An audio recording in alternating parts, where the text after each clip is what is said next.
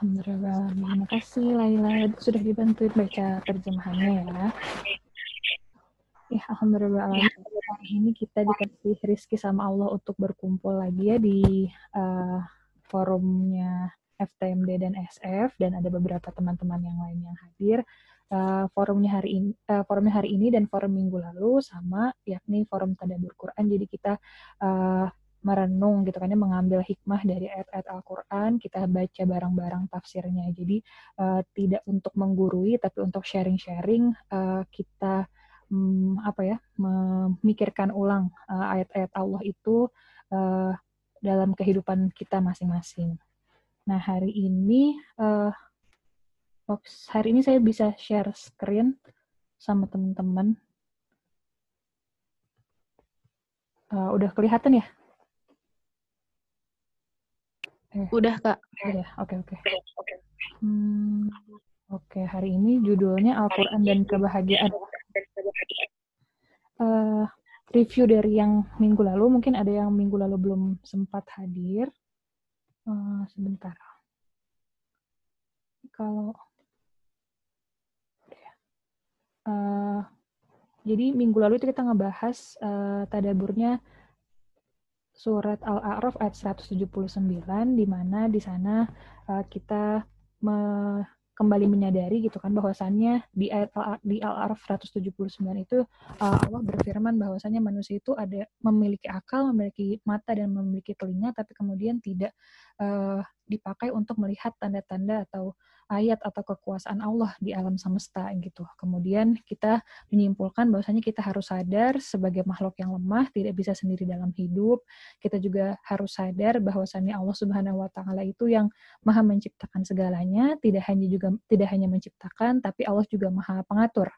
Nah, alam semesta saja itu sesuai dengan pengaturan Allah, apalagi manusia. Nah, hari ini kita akan melihat bagaimana sih Allah eh, memberikan pengaturannya kepada manusia. Tapi sebelum itu eh, ada kayak permainan gitu yang menarik nggak permainan sih ya uh, apa kayak web gitu webnya sebenarnya ini buat anak-anak karena teman-teman saya udah pada punya anak jadi dia share-sharenya kayak gini nah teman-teman mungkin bisa lihat di situ gitu kan ya di sini kita akan diberi uh, beri gambaran bagaimana uh, ukuran-ukuran yang ada di alam semesta ini. Misalnya ini ada astronot gitu kan ya, tingginya kan nggak sampai 2 meter atau bisa lah sampai 2 meter. Kemudian ini ada uh, teleskop Hubble, kemudian ada Space Shuttle, semakin kecil kan ya manusianya, kemudian ada Space Station, kemudian ada roket yang dibuat sama manusia. Udah nggak kelihatan lagi itu ukuran manusia segimana dibanding asteroid. Kemudian terus ini bulannya Mars, ini salah satu nama asteroid, kemudian asteroid yang lain kan sangat besar sekali luar biasa gitu kan ya. Coba kalau kita ketabrak sama sesuatu ini kayaknya udah nggak nggak ada apa-apanya gitu ini Pluto Pluto aja segedenya segede gini gitu kan ya. Kemudian ini ada kita terusin lagi ada Jupiter terus aja ya. Kita memperlihatkan bahwasanya ciptaan Allah itu besar sekali banyak sekali gitu kan ya. Nih baru ketemu bumi. Ini ada apa namanya seperti bumi eksoplanet seperti bumi yang besarnya berapa kalinya gitu kan ya ada Neptunus, Uranus, terus gitu kan ya besar sekali ini. Kita ini bisa kita gunakan untuk menyadarkan diri kita bahwasanya kita tuh makhluk yang lemah gitu kan ya, makhluk yang nggak ada apa-apanya lah gitu kan ya, makhluk yang butuh pada yang lain gitu kan ya. Teman-teman juga yang punya adik. Halo? Itu punya yang kakak saya yang mana ya? Maksudnya kakak ngejelasin yang jelasin yang tersep oh gak ada. ada gambar. Enggak. ini ini nanti kakak share linknya ya? Ah iya kak. Terima kasih iya adik-adik yang punya adik adik-adik yang punya adik kecil mungkin bisa ngasih tahu juga nanti ke adik-adiknya gimana sih Allah ciptaan Allah itu banyak sebesar banyak apa gitu kan ya. Menjadarkan mereka juga bahwasanya segala sesuatu ini adalah ciptaannya Allah. Kurang lebih seperti itu ya nih semakin terus gede gede gede gede terus was dan apa ya dan peneliti juga masih mencari gitu kan bahwasanya ada yang lebih besar daripada uh, apa yang sudah manusia ciptakan. Oke, itu review dari materi yang minggu lalu. Hari ini kita akan mm, melanjutkan kalau boleh di simpulkan bahwasanya materi kita minggu lalu itu materi iman kepada Allah gitu kan ya. Nge-review lagi bagaimana sih kita benar-benar menyadari kita tuh harus beriman kepada Allah melalui ayat-ayatnya Allah yang ada di dunia ini gitu kan ya, melalui tanda-tanda kekuasaannya Allah, melalui apa-apa yang bisa kita lihat dalam kehidupan sehari-hari. Kemudian kita lanjutkan uh, tadi ini seminarnya masih berjalan. Ya. Hah?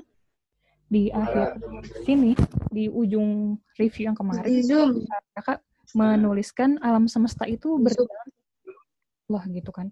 Ada ada atur-aturan yang, yang akhirnya menyebabkan satu uh, satu keteraturan gitu kan. Kayak misalnya tadi yang hmm, planet-planet hmm, yang besar itu dia tidak uh, tidak nabrak satu sama yang lain. Berarti kan itu ada aturannya Allah apalagi aturannya manusia.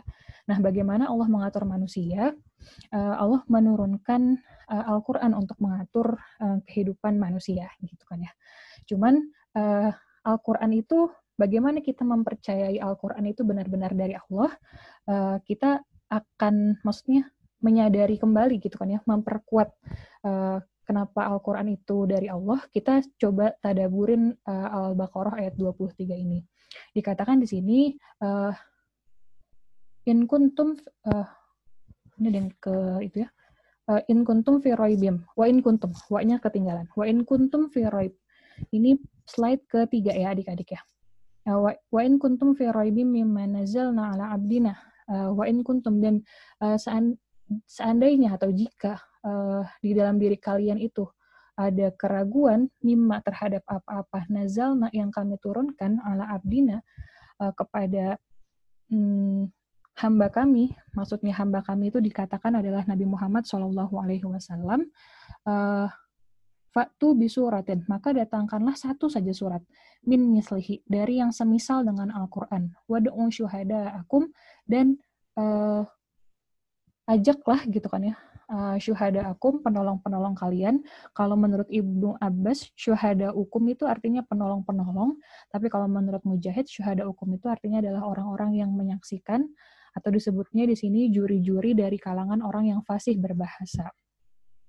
Uh, min dunillah selain dari Allah gitu in kuntum sodikin jika kalian adalah orang-orang yang uh, benar. Selanjutnya di dalam surat Al-Isra ayat 88 dijelaskan dijelaskan uh, di Al-Isra 88 ini siapa aja sih syuhada hukumnya. Uh, Allah berfirman di sini wakul wakul la ini la ini cita maatil ins.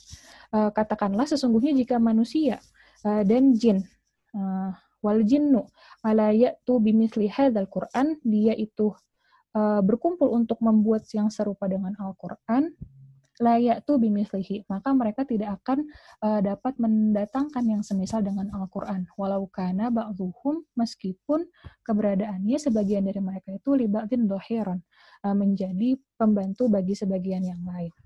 Uh, dikatakan pula di surat Yunus ayat 37, wa maka nahadal Quran dan uh, tidaklah Al-Quran ini an yuftaro. Itu dibuat min dunillah selain tidak mungkin Al-Quran itu dibuat uh, selain oleh Allah.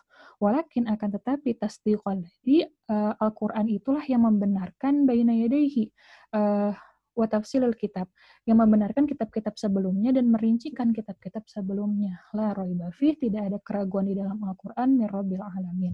Dari uh, Allah uh, yang maha hmm, Tuhan uh, alam semesta. Kemudian di uh, Yunus ayat 38-nya dikatakan am yaqulu naftaroh atau patutkah mereka mengatakan Muhammad itu membuat-buatnya.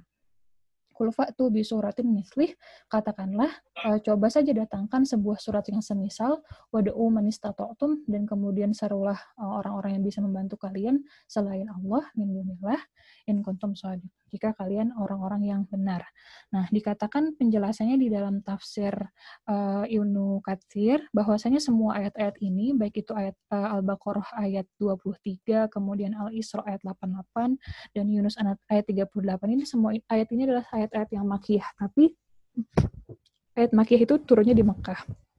Tapi kemudian Allah juga ketika uh, Rasulullah Shallallahu Alaihi Wasallam berhijrah ke Madinah, Allah juga menantang orang-orang uh, dengan surat uh, dengan hal yang sama gitu kan ya.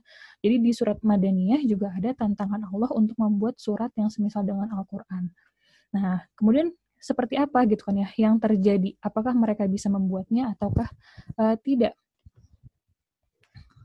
Penjelasan di akhir uh, tafsir Al-Baqarah 23 dari uh, Ibnu Katsir di situ diceritakan satu hadis gitu kan ya hadisnya dari uh, Amr bin Ash. Amr bin Ash ini adalah salah satu sahabat Rasul. Hmm, dulunya uh, pas awal-awal jadi setelah Rasulullah Shallallahu Alaihi Wasallam hijrah ke Madinah dia masih uh, kafir kemudian dia masuk Islamnya agak telat gitu kan ya. Nah tapi kemudian Amr bin Ash ini jadi salah seorang panglima besar juga ketika sudah masuk Islam.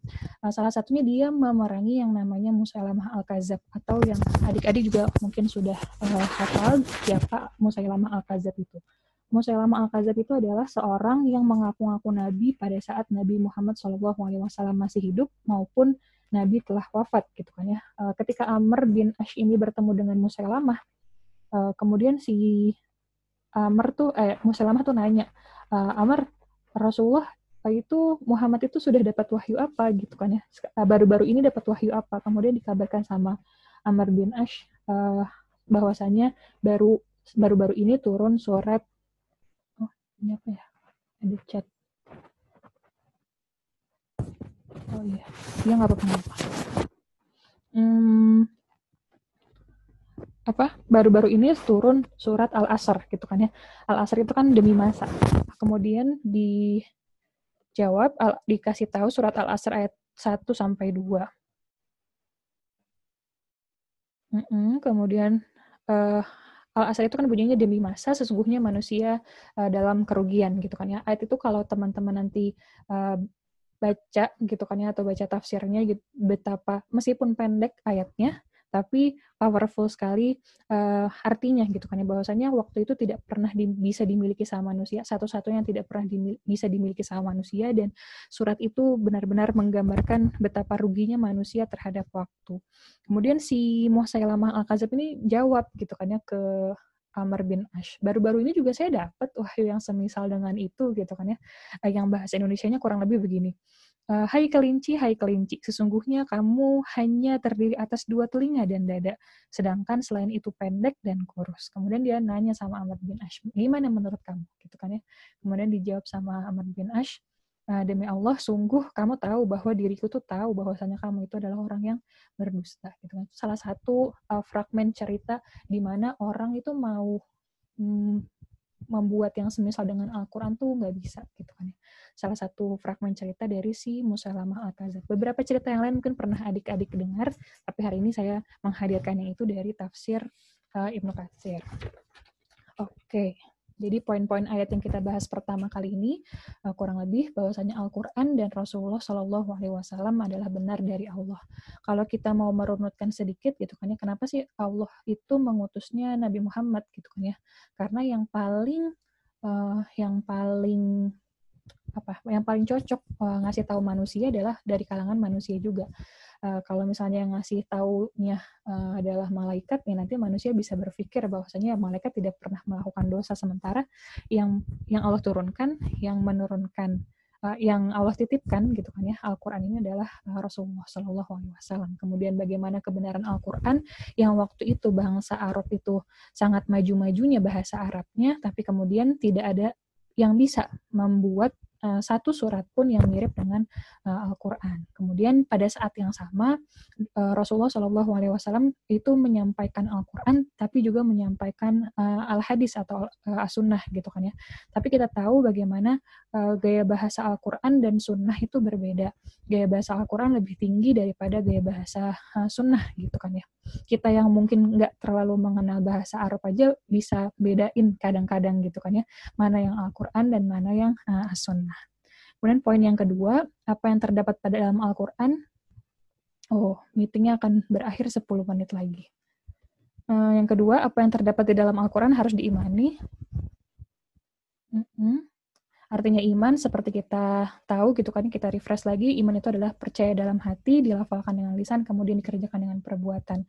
Nah, yang ada di dalam Al-Quran itu termasuk hal-hal yang goib harus kita percaya 100% akhirnya gitu kan ya, karena ada di dalam Al-Quran. Di Al-Quran kita dikabarkan ada uh, makhluk yang namanya jin, setan, meskipun kita mungkin nggak pernah melihat bentuknya seperti apa gitu kan ya, malaikat, hari akhir gitu kan surga, neraka, dan begitu pula kode dan kodar. Dan di Al-Quran juga ada salah satu ayat yang meng, yang uh, apa namanya mengabarkan bahwasannya Allah itu tidak menciptakan jin dan manusia, melainkan supaya mereka mengabdi atau beribadah kepadaku di surat Az-Zariyat ayat 56.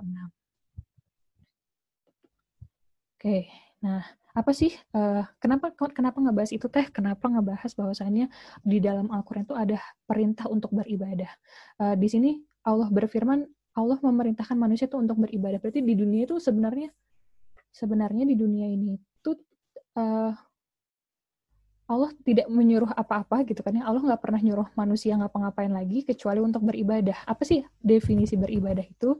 Definisi beribadah kalau kita lihat di uh, secara istilah gitu kan ya uh, dari para ulama dan para uh, tabiin tabi tabiut tabiin yang lalu um, mendefinisikan bahwasanya ibadah adalah taatullah yaitu ketaatan kepada Allah wa ulahu dan ketundukan kepada Allah wa iltizamu dan berpegang teguh masyara'a minad dini. Apa terhadap apa-apa yang disyariatkan dari agama ini Nah, kapan sih uh, sebuah amal itu bernilai ibadah? Syaratnya ada dua. Yang pertama ikhlas niatnya atau lillahi ta'ala.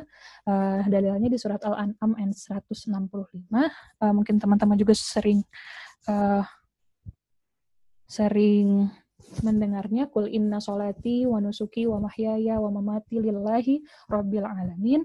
Kemudian yang kedua benar caranya ini sesuai dengan uh, tuntutan syariat. Dalilnya di surat Al-Hasyr ayat 7. Di situ uh, di, di surat Al-Hasyr itu dikabarkan bahwasanya kita harus melakukan segala sesuatu itu sesuai dengan Al-Qur'an dan Sunnah. Nah, uh, ini tadi sekitar mungkin tujuh menitan lagi. Nanti mungkin agak break sedikit. Uh, kita break gitu kan ya setelah tujuh, ya sekitar tiga menit. lima menit lagi kita break, terus habis itu kita masuk lagi. Gimana? Adik-adik?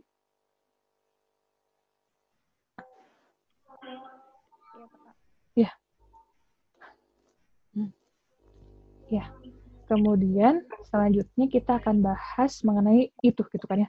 Jadi kalau kita runut bahasan kita dari minggu lalu, kita tuh hmm, berusaha sadar gitu, berusaha menyadari bahwasanya manusia itu adanya dari Allah. Kita itu diciptakan sama Allah.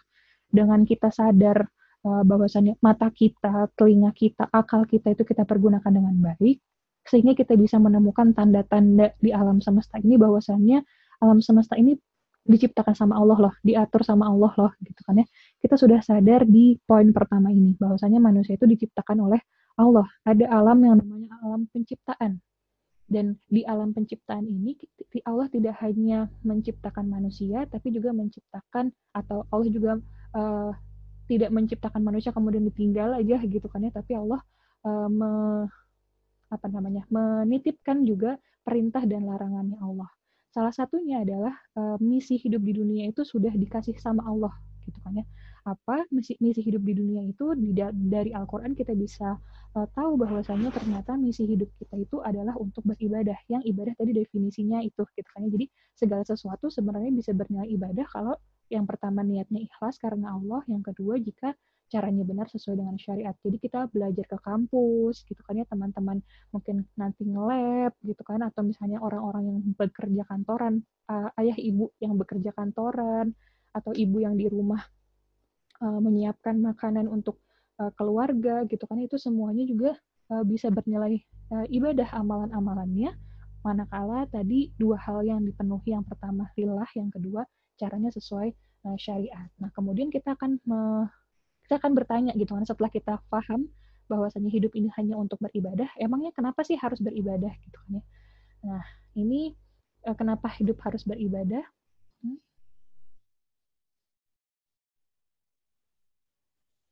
Ya, kenapa hidup harus beribadah? Karena di dalam Al-Quran kita juga dikabarin bahwasannya nanti setelah kita hidup, kita akan mati gitu kan ya.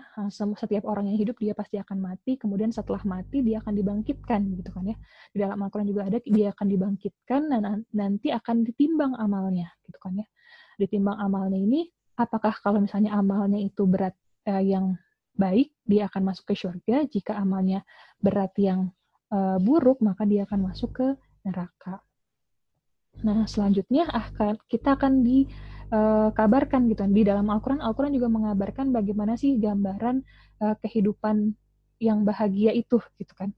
Nah, sesuai dengan judul kajian kita hari ini uh, di surat An-Nahl ayat 97 yang kita bahas tadi uh, dikatakan di sini man amila solihan. Barang siapa orang uh, barang siapa yang beramal solih.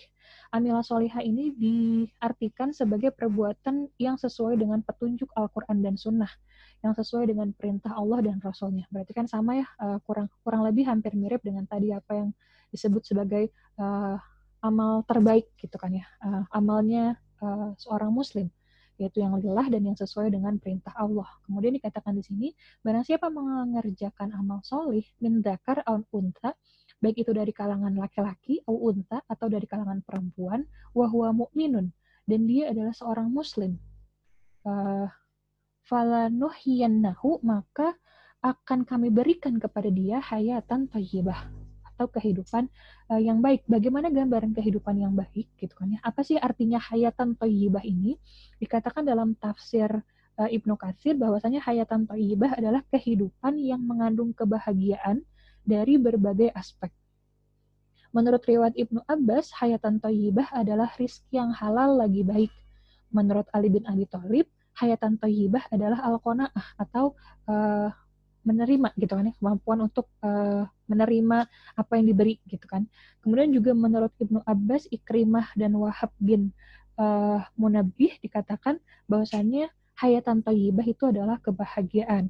Menurut Al Hasan Mujahid dan Qatada hayatan thayyibah artinya surga menurut Ad-Dahab artinya adalah rizki yang halal dan kemampuan beribadah di dunia serta mengamalkan ketaatan dan hati yang merasa lega uh, dalam menjalankannya. Nah, kemudian uh, disimpulkan di bawah di tafsir uh, Ibnu Katsir ini bahwasanya pendapat yang benar yang mana sebenarnya hayatan thayyibah ini. Tadi kan di atas banyak sekali pendapat gitu kan ya dikatakan bahwasanya pendapat yang benar adalah lebih dari semua itu. Ini didasarkan pada uh, hadis yang dikeluarkan oleh uh, Imam Muslim, Imam Tirmizi, uh, Sahih menurut Imam Tirmizi dan Imam Ahmad. Kita cukupkan dulu gambaran yang kedua bagaimana uh, apa ya bagaimana gambaran manusia kelak ketika di uh, akhirat gitu kan di ada di Al-Qur'an surat Al-Fajr ayat 24 dikatakan di situ ya kulu ya laitani qaddamtu li hayati. Dia mengatakan ada seseorang yang mengatakan uh, ya laitani uh, alangkah baiknya qaddamtu dulu aku uh, mengerjakan ayat amal-amal yang baik gitu kan ya amal-amal yang soleh uh, li hayati di kehidupanku uh, yang lalu dikatakan di sini bahwasannya bisa jadi itu perkataan dua orang. Yang pertama, jika dia durhaka, maka dia menyesal uh, terhadap perbuatan-perbuatan dia yang dulu dilakukan dunia uh, kedur kedurhakaannya. Kemudian jika dia orang yang taat, dia juga menyesal uh, bahwasannya dia berharap seandainya dia dahulu menambah ketaatannya. Kenapa demikian? Digambarkan di dalam sebuah hadis dari Muhammad bin Umrah dari Nabi Shallallahu Alaihi Wasallam. Beliau bersabda, Seandainya seorang hamba sejak dia dilahirkan selalu hidup dalam amal ketaatan kepada Tuhannya sampai dia mati, di hari kiamat nanti ia akan menganggap kecil perbuatannya itu, gitu kan ya, amal amal perbuatannya itu. Uh, ia ingin balik, ingin kembali ke dunia agar pahalanya tersebut bertambah. Jadi ini ada orang gitu kan kalau kita uh, jelas le, jelaskan lebih uh, gamblangnya lagi. Yang pertama ini adalah orang-orang yang langsung diberi surga sama Allah nah, kelak di akhirat. Kemudian yang kedua ini adalah orang-orang yang dia mu, bisa jadi dia orang mukmin salah satunya gitu kan. Tapi kemudian uh, pahala yang dia kumpulkan itu tidak cukup untuk langsung pergi ke surga, maka dia akan dialihkan dulu ke neraka untuk uh, dibersihkan dosa-dosanya, baru kemudian diangkat ke uh, surga. Makanya itulah kenapa dia menyesal bahwasannya dia uh, kurang banyak melakukan amalan soleh. Kemudian yang ketiga ini adalah gambaran orang-orang kafir. Uh, di surat An-Naba Allah berfirman, Inna andarnakum. uh, sesungguhnya uh, kami telah memperingatkan kepada kalian. Kaliannya adalah orang-orang kafir. Adaban koriban. Adaban koriban itu adalah azab yang dekat. Apa yang uh, apa definisi azab yang dekat ini dikatakan di dalam tafsirnya ini adalah maksudnya adalah hari kiamat. Kenapa hari kiamat disebut dekat? Karena hari kiamat itu pasti tidak bisa terelakkan lagi. Ada di dalam Al-Quran, kita semua percaya bahwasanya hari kiamat itu pasti. Uh, mar'u Allah mengabarkan di sini bagaimana sih uh, hari kiamat itu adalah hari di mana seseorang itu diperlihatkan damat tiada apa-apa atau manusia itu melihat apa-apa yang telah dia lakukan dengan tangannya. Wa yaqulul kafiru dan orang-orang kafir berkata, ya laitani uh, apa alangkah baiknya seandainya aku kuntut toroba dulu adalah dari tanah. Penjelasannya bagaimana? Dikatakan di sini si orang kafir ini gitu kan ya uh, dia berhayal seandainya dirinya sewaktu di dunia itu berupa tanah atau bukan makhluk. Uh, bahkan dia berhayal tidak pernah dikeluarkan di dunia. Jadi sebenarnya kan orang-orang kafir itu kalau dia menggunakan matanya, kalau dia menggunakan akalnya, kalau dia menggunakan telinganya, dia pasti akan menemukan keberadaan Allah sehingga dia ber uh, apa namanya beriman gitu kan ya. Tapi yang kenyataannya kan tidak gitu kan ya. Uh, dia menihilkan itu semua, akhirnya dia tidak beriman kepada Allah balik lagi ke yang tadi si orang kafir ini itu bilang kayak gitu gitu kan ya uh, seandainya aku jadi tanah saja gitu kan ya. Itu ketika dia sudah melihat azab itu ada di depan matanya. Sementara perbuatannya itu hanya uh, isinya kerusakan-kerusakan semua gitu. Jadi dia uh, sangat menyesal bahwasanya tidak tidak ada apa tidak ada peluang sama sekali dia tuh untuk masuk surga. Ada sebuah pendapat lain terhadap ayat ini dikatakan bahwasanya orang kafir itu berhayal setelah melihat pengadilan Allah. Jadi dikabarkan di dalam uh, tafsir Ibnu Katsir bahwasanya kelak di akhirat hewan-hewan pun bahkan uh, diadili sama Allah gitu kan ya. Jadi ada digambarkan di situ ada kambing yang punya tanduk sama kambing yang tidak punya tanduk Dulu di dunia, si kambing yang tidak punya tanduk ini diseruduk sama kambing yang punya tanduk. Tapi kemudian diselesaikan sama Allah di pengadilan akhirat. Pengadilan Allah kan terkenal yang paling adil. Ketika sudah selesai, uh, apa namanya urusan mereka, kemudian Allah ber, firman kepada uh, kedua kambing ini, jadilah kalian tanah. Nah, dari situlah si orang kafir ini ketika melihat pengadilan Allah itu, dia berandai-andai seandainya dia jadi hewan saja zaman dulu gitu kan ya. Kalau hewan pengadilan uh, di, sama Allahnya udah selesai langsung jadi tanah saja gitu kan ya. Tidak perlu akhirnya dimasukkan ke dalam neraka. Ini juga terdapat di hadis Abu Hurairah, uh, Abdullah bin Amr dan lain-lain. Gitu adik-adik. Jadi uh, apa Eh, kesimpulannya yang pertama uh, amal soleh adalah perbuatan yang mengikuti petunjuk Allah, uh, sunnah nabinya disyariatkan sama Allah. Kemudian jika kita melakukan amal soleh, kenapa sih harus melakukan amal soleh? Karena Allah berjanji akan memberikan kita kehidupan yang baik di dunia dan akan memberinya pahala yang jauh lebih baik uh, di akhirat kelak. Jangan sampai menyesal bahwasanya kita kurang banyak beramal, gitu kan ya. Dan kita juga bersyukur sudah diberikan uh, rizki yang sangat besar berupa masuk Islam, gitu kan ya. Coba kalau kita tidak masuk Islam, nanti kita akan menghadapi azab uh, seperti orang kafir, gitu kan ya. Naudzubillahimin gitu. Terakhir nih ada dua slide terakhir uh, gambaran bagaimana sih kalau misalnya Islamnya tadi sudah kita uh, apa namanya sudah kita jalanin gitu kan ya sudah kita kita sadari bahwasanya kita tuh diciptakan sama Allah Allah itu mengatur hidup kita gitu kan ya maka kita akan mengatur hidup kita itu sesuai dengan gaya hidup Islam digambarkan seperti apa sih gaya hidup Islam itu? Gaya hidup Islam itu hidup tuh untuk ibadah. Kemudian landasan kita hidup ya beriman kepada Allah. Kemudian uh, tolak ukur gitu kan ketika kita mau melakukan perbuatan itu timbangannya apa sih? Itu harus ditimbang kepada halal ataukah haram gitu kan ya. Segala hal. Mau itu kita di kampus mau kita di luar kampus semuanya di uh, kalau bisa gitu kan ya semuanya itu harus distandarkan apakah itu sesuai sama Allah atau tidak Kemudian kita hidup untuk kemuliaan diri, keluarga, dan agama gitu kan ya.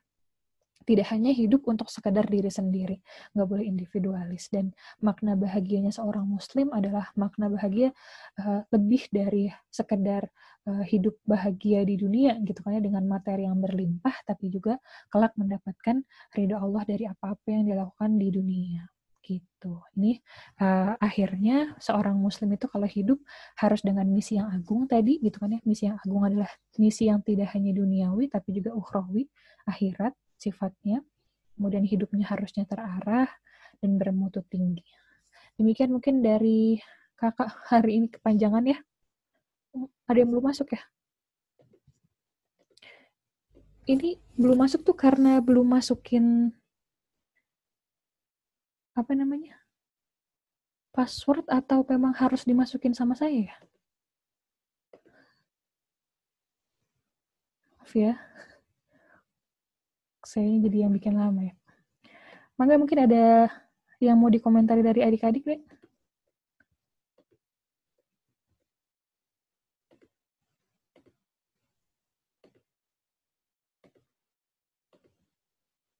Halo, kedengeran ya? Iya, kedengeran. Oh, kedengeran. Oke. Ada yang mau dikomentari mungkin hari ini? Cukup panjang bahasannya. Intinya, Kak, recording, recording itunya boleh di-share nggak, Kak? oh boleh, boleh, boleh.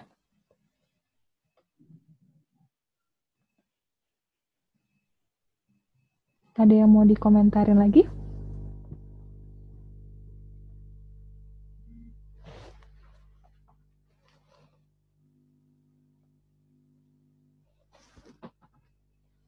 Nggak ada. Kecepatan atau gimana nanti boleh ya kalau mau ngevaluasi nanti biar kakak perbaiki di minggu depan. Oh. Lanjut. Oke Dian. Nanti kalau ada evaluasi-evaluasi apa biar saya perbaiki di minggu depan. Kepanjangan kak gitu kan ya. Oke nanti saya sedikit-sedikit saja biar 40 sebelum 40 menit cukup ya. Ada ada. Hmm, ini semuanya SF FTM dia. Tadi ada yang FTTM ya? Yang FTTM masih Iya, ada? Kak. masih ada kah? Oh Irma. Irma ya?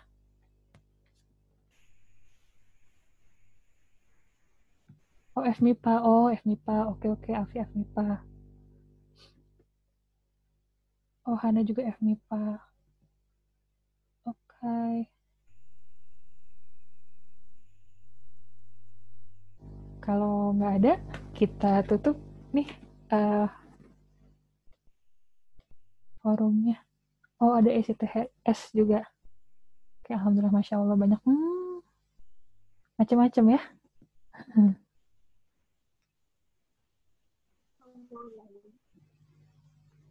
Tuh ada yang mau menyapa temannya boleh. Oh, Afi, apa yang tangan? Mau bertanya? Suaranya agak burem. Bukan burem apa ya?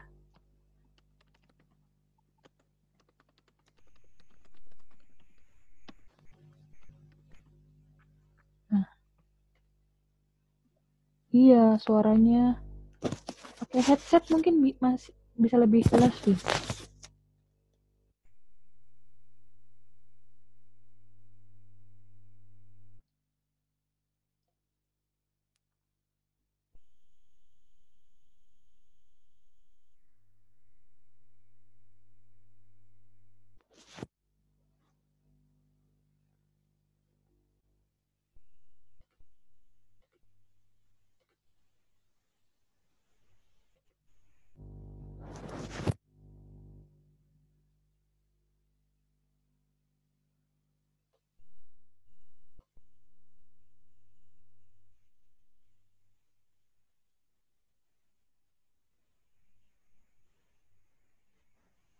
Atau ada yang mau punya ide gitu, Kak, minggu depan bahas apa gitu boleh?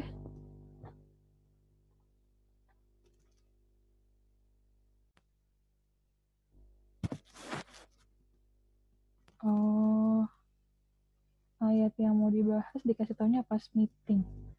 Eh, kalau ayat yang dibahas itu dikasih taunya s- beberapa hari sebelum itu, kira-kira hari Rabu paling lambat ya, ayat yang mau dibahas. Sorry. Nanti mungkin saya lebih cepat lagi ngabarinnya. Biar hari Rabu maksimal sudah bisa di-share ayat mana yang sudah yang akan dibahas hari ini.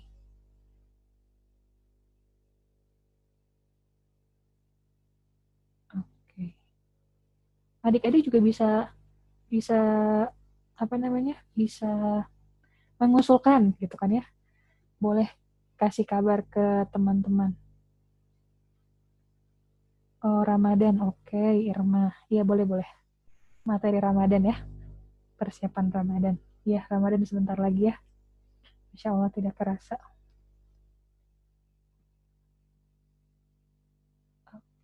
Nanti bisa saya share juga ini PPT-nya. Di-share juga tadi yang saya perlihatkan. Ada mainan gitu kan ya. Mainan sedikit lah buat adiknya adik-adik. Buat adik-adik juga boleh. Gitu. Oke ya, mungkin dicukupkan aja hari ini kita begini. Mohon maaf atas segala kekurangannya. Mudah-mudahan uh, minggu depan lebih enak lagi uh, penjelasannya lebih enak lagi kitanya juga uh, menyimaknya kurang lebihnya mungkin mohon maaf dari saya uh, kalau ada masukan bisa disampaikan ke teman-teman FTMD maupun teman-teman SF kurang lebihnya mohon maaf kita tutup pertemuan kali ini membaca istighfar astagfirullahaladzim doa kifatul majlis subhanakallahumma bihamdika asyhadu an la ilaha atubu ilaik dan alhamdulillah Alhamdulillah alamin. Sekali lagi mohon maaf ya kalau ada kurang-kurang. Wassalamualaikum warahmatullahi wabarakatuh. Kasih kembali. Waalaikumsalam.